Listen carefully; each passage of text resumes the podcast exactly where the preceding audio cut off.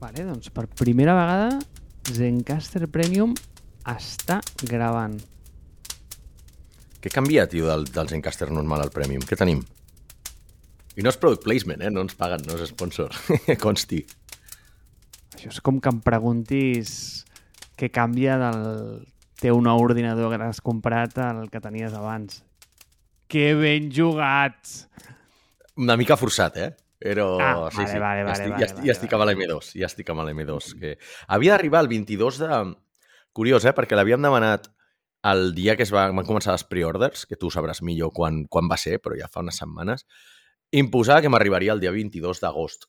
I divendres passat, que jo no era a casa, em truquen, com, tenim un paquet per tu, saps? O sigui, divendres passat, que clar, avui és 18, pues calcula, saps? O sigui, deve ser que dia mm, 12, saps? I dic, hòstia, com pot ser que t'arribi 10 dies abans?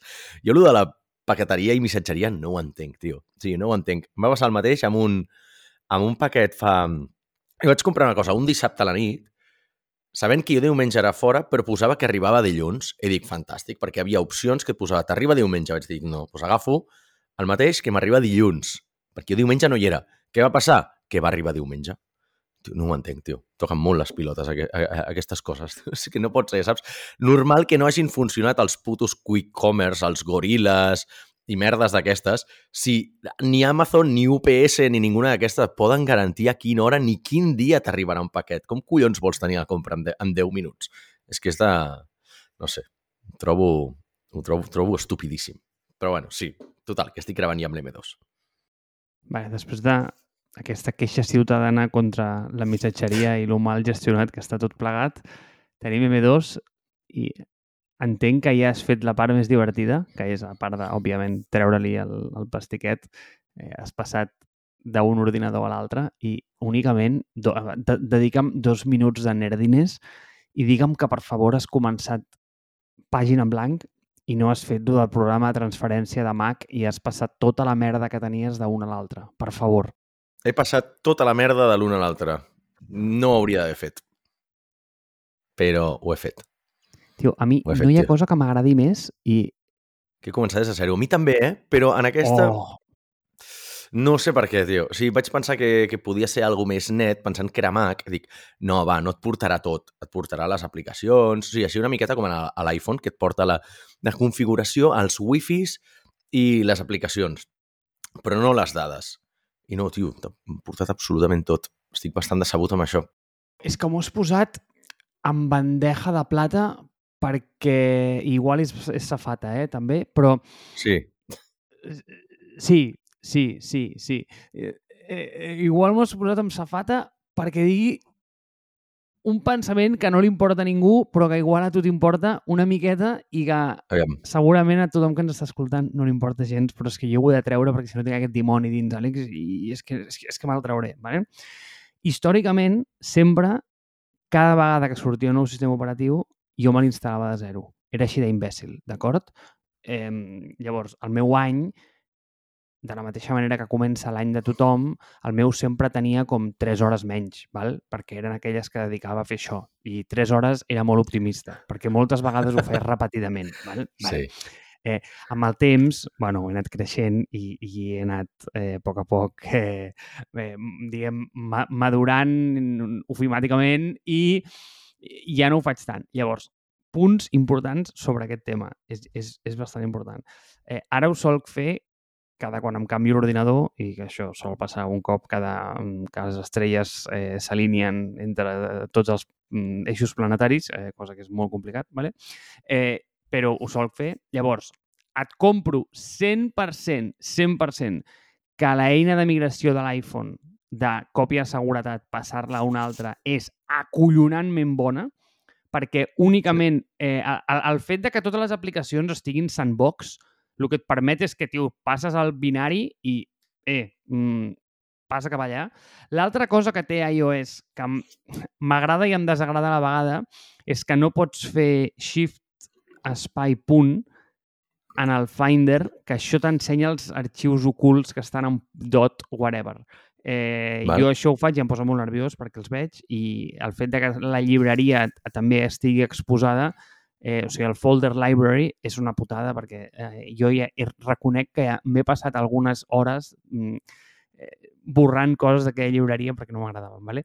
Eh, i per últim, eh, per últim, i això ho, ho deixo, jo mato aquí, però és un tip for life, és veritat que el Time Machine d'Apple és un drama, ¿vale? és un autèntic drama pel que tu dius, perquè eh, si tu fas el, el passe de còpia de seguretat, eh, perdona, de, eh, d'assistent de migració no et passa cap setting ni, ni absolutament res, o sigui, és, és dramàtic lo dolent que és, però si fas un time machine hi ha una opció extremadament oculta, vale? molt oculta, eh, Àlex, molt oculta, que és que pots seleccionar quins folders vols que es sincronitzin i quins no. Llavors, Hòstia, és molt interessant perquè el, el que pots fer és treure tot el de les aplicacions i tots els systems prefs i tots els catxers i tot plegat i llavors quan ho passes és semblant a la de l'iPhone perquè és molt neta, diguem.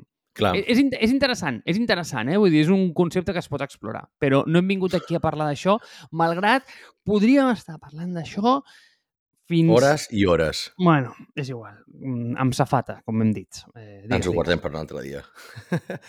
no, més que res perquè l'altre dia va sorgir un tema que crec que, que vam dir que donaria per parlar i li he estat donant voltes i molta coincidència, tot i que jo no crec en les coincidències, evidentment, però ha sorgit en dos podcasts que jo he escoltat recentment, val? que era el tema de l'impacte. Parlàvem en, en l'episodi anterior, em sembla que va ser, el de si jo treballaria per Google o per una Big Tech, i deia que m'hauria agradat treballar-hi pel tema de tenir impacte. Llavors, tu sostens que pots tenir més impacte en, en una empresa més verticalitzada, potser una empresa més petita, on siguis un, un, un, un treballador que comença entraviat, que no ets el número 125.000 de Google, no? I jo crec que jo crec que no. Potser no estem parlant del mateix tipus d'impacte. Eh? Jo vaig definir dos tipus d'impacte. Un era l'impacte de faig una aplicació o alguna millora substancial a una plataforma que afecta a milions d'usuaris. val? I vaig posar el tema de doncs, que una persona faci tota l'accessibilitat web d'una plataforma tipus Twitter, per exemple, doncs estàs tenint un impacte a milions de persones que no tenien accés abans o que tenien una experiència nefasta i ara poden utilitzar-la bé, no? I després hi ha l'impacte a nivell de negoci, que no té visibilitat en els usuaris finals, però si tu fas una millora al rendiment, a l'ús de memòria, a la caché, etc etc, pot ser que allò a final d'any t'hagi estalviat desenes de milions d'euros en conceptes de hosting, en electricitat, en altres tipus de... en, en, en, en altres tipus de vies més, més diguem, més alineades amb negoci, no? I, i una miqueta el meu raonament... Bueno, explica, va haver- haver-hi un, un podcast, el podcast de My First Million, que no, no el vaig recomanar l'altre dia, però crec que és un podcast que cada cop m'agrada més, que parlaven sobre, sobre aquest tema, no? sobre el tema d'impacte, perquè parlaven sobre... Em sembla que l'episodi, si no recordo malament, era el de eh, Big Fish in a Small Pond, no? O sigui, el concepte aquest de...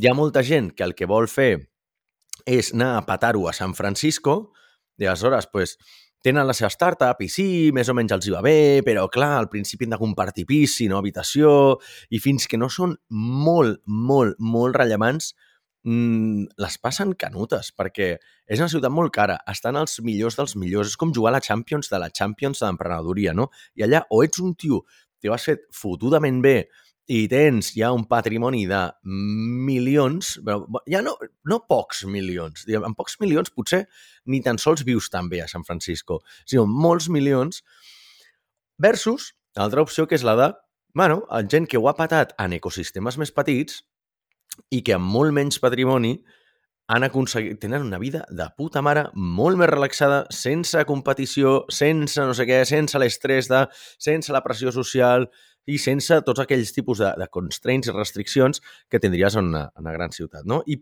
i això després es va traslladar a... Bueno, per això venia el concepte aquest de small fish in a big pond, no? O sigui, peix petit a... a perdó, peix, peix gran en un, en un, com seria, pond, no un llac, és un toll, un toll, val?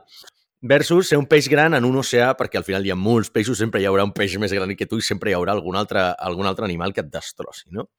I aleshores això després deien, home, però clar, al final ve de temes d'impacte, no? Si tu al final només tens impacte local versus impacte, versus impacte internacional, per exemple. I això es va traslladar, es va extrapolar a pues, treballar per una gran corporació, no? I posant l'exemple de Google Books, que diu, Google Books és la típica cosa que si no s'hagués fet a l'intern de Google, no s'hauria fet mai. No hi ha cap tipus d'empresa, cap tipus de startup que s'hauria dedicat a eh, escanejar i digitalitzar tots els putíssims llibres del planeta i fer un cercador que et cerqui a dintre del contingut amb tots els idiomes, que el taguegi, que et faci la preview per pàgines, que et faci estructurar els llibres, tot aquest motor, aquesta innovació no hauria sortit mai, no? I així van sortir tres o quatre altres exemples, però a mi em va quedar gravat el de Google Books, no? Dius, hòstia, és veritat, hi ha, hi ha algun tipus d'impacte que només el pots tenir dins de, la, de les grans corporacions i jo crec que aquí és difícil de rebatre aquest exemple, no? Eh, perquè has de ser com molt geni o potser tenir molts calés i estar molt, molt, molt boig per crear una empresa que faci això exactament. Perquè com la monetitzes, com trobes el volum, com tens accés a la informació, com fitxes la, la millor gent per poder fer això, amb un tipus de negoci que és invendible. O sigui, és que no es pot monetitzar a, a, això. I això o ho fas des de, de l'interior d'una corporate, ho sento, o jo és que no ho veig. A veure, tu, abogat de l'impacte. Escolta,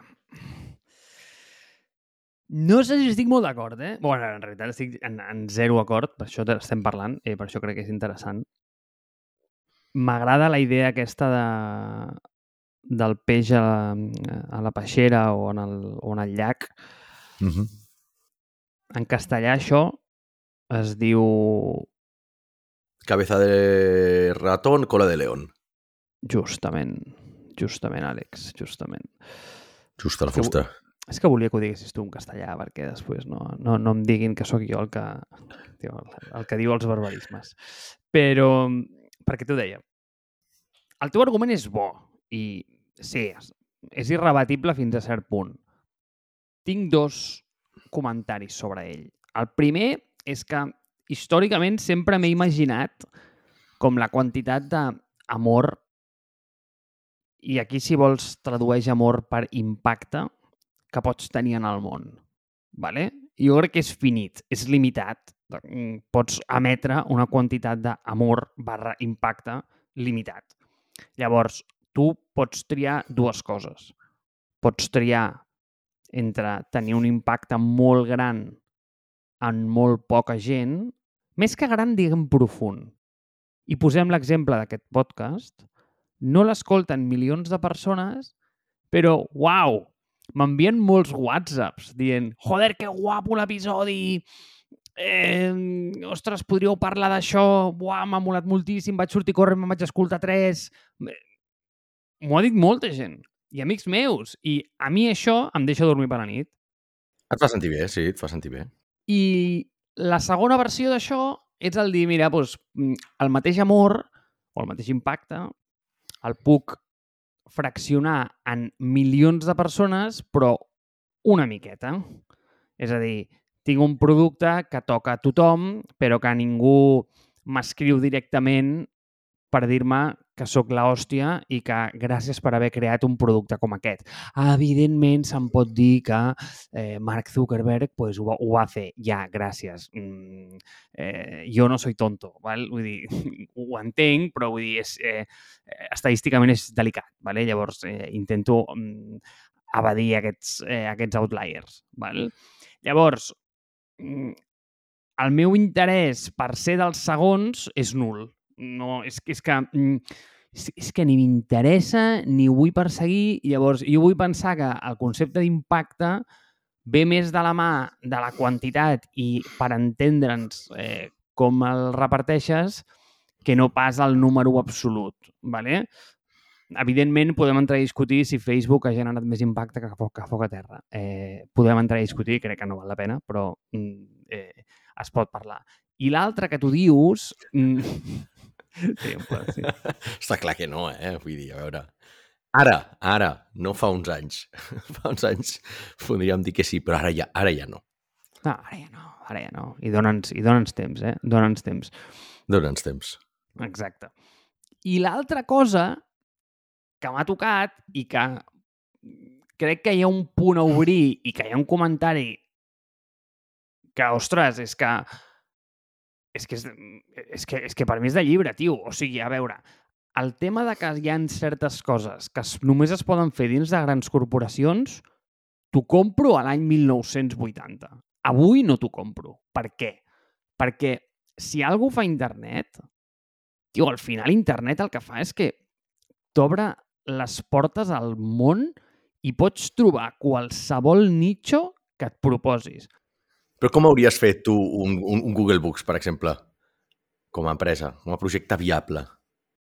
Però ja només que viable, Àlex. O sigui, tio, hi ha penya que està fent productes per sincronitzar i veure de manera maca i agregada els teus highlights de Kindle. Que dius, tio, o sigui, és la cosa menys monetitzable del planeta. Eh, doncs pues hi ha un producte que és així, que jo m'he parlat amb el founder i li he dit que el faci, o, o sigui, que el posi obert i que jo li pago. O sigui, que jo li faig pasta. I dius, eh, és un producte que podria fer jo? Àlex, el podria fer jo. És molt fàcil. Però... Aquí jo... està la diferència. Aquest, tu tal qual l'has dit, jo he pensat, però aquest producte el puc fer jo.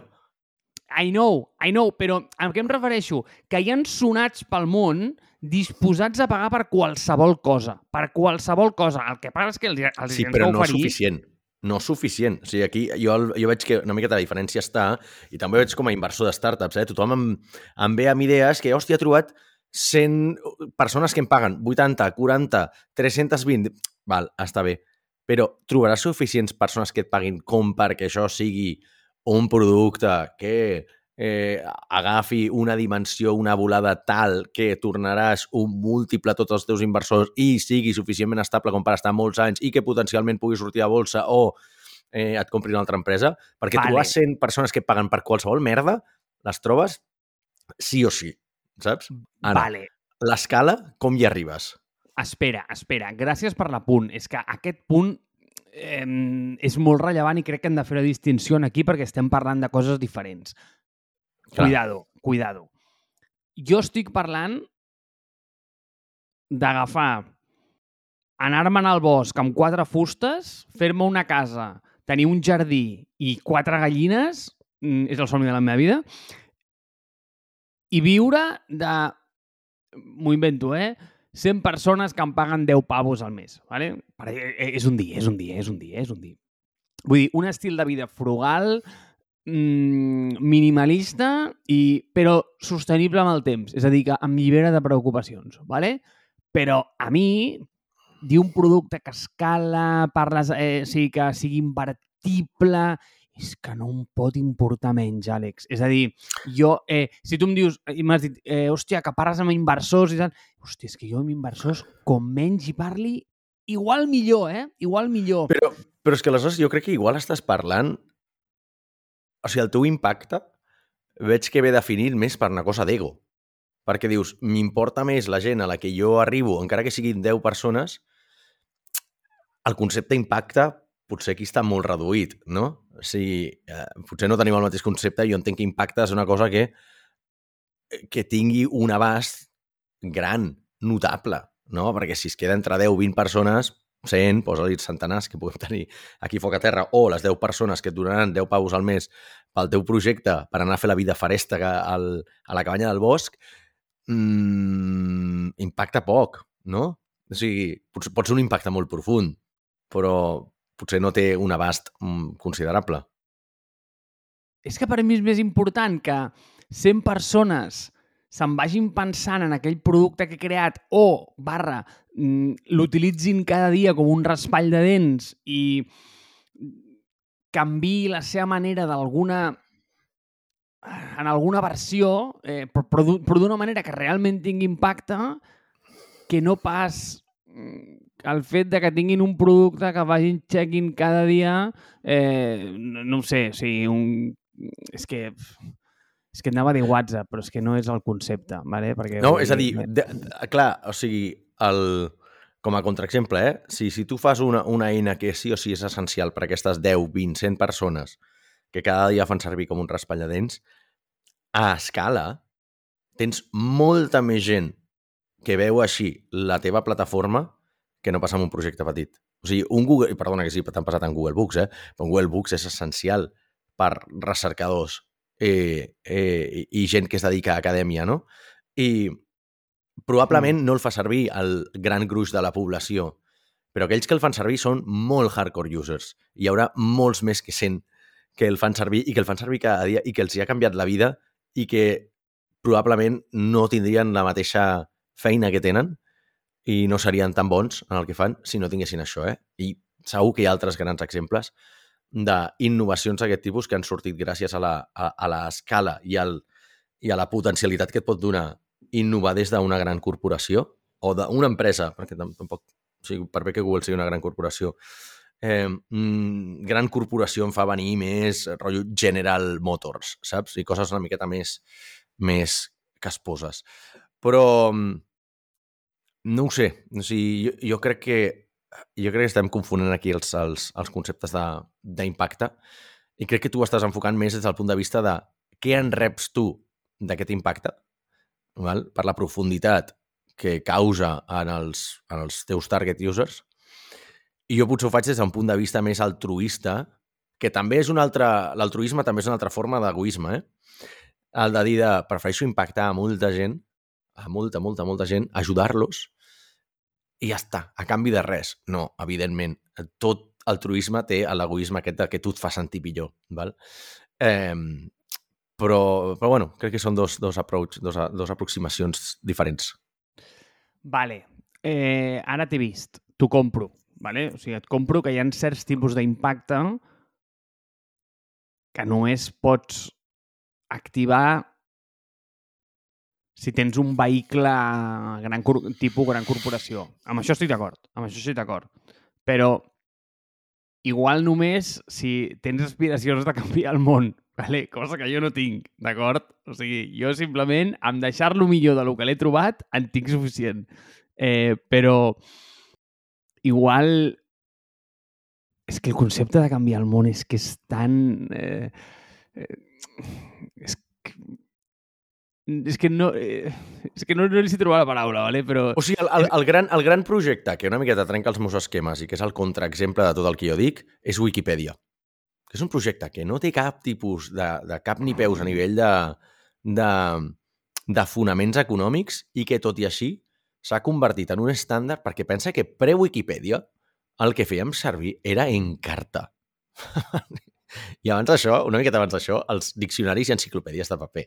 Vull dir, Wikipedia ha canviat el puto món sense cap tipus de fonament econòmic, sense cap tipus de viabilitat i malgrat tot ho han aconseguit perquè estan sonadíssims. Val? Però és el que dius tu, és l'outlier, no et pots comparar. Val? És el, el Facebook del, diguem, de, de, de, de l'altruisme i del anem a millorar el món amb un projecte que les passa putíssimes per sobreviure. Vull dir que tothom la fa servir i ningú li dona ni un puto duro a la Wikipedia, saps? No hi ha cap empresa que jo conegui que pagui la Wikipedia quan, evidentment, tots ens hem, tots ens hem nodrit d'això, no?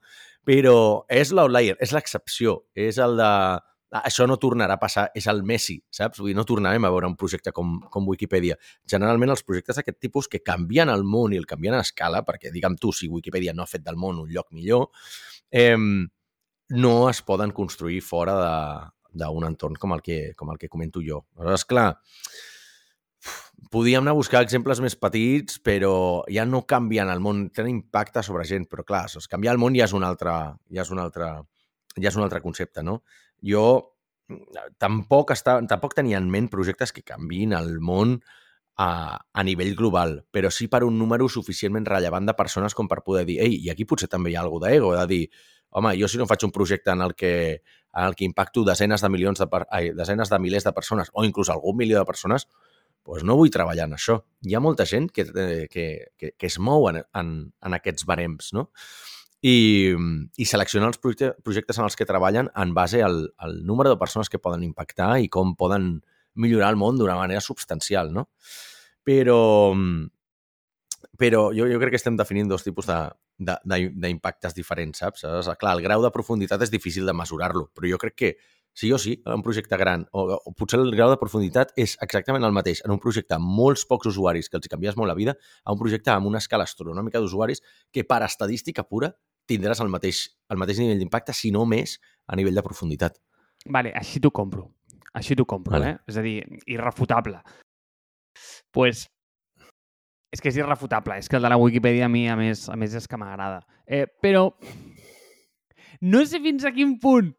Vale, no, deixa'm que et doni l'últim contraargument, perquè és que ara em mataràs. No sé fins a quin punt jo prefereixo ser el senyor Wales, que pels que no tinguin context és el fundador de, o el creador de Wikipedia, no sé fins a quin punt prefereixo ser ell o prefereixo ser com un contribuïdor únic que explica merdes d'eixos de trens i de història de vehicles i coses d'aquestes que, que, que, nano, que té uns articles a la Wikipedia que són la hòstia. O sigui, a mi el concepte aquest de craftman és que m'encisa tant, Àlex, que Sí.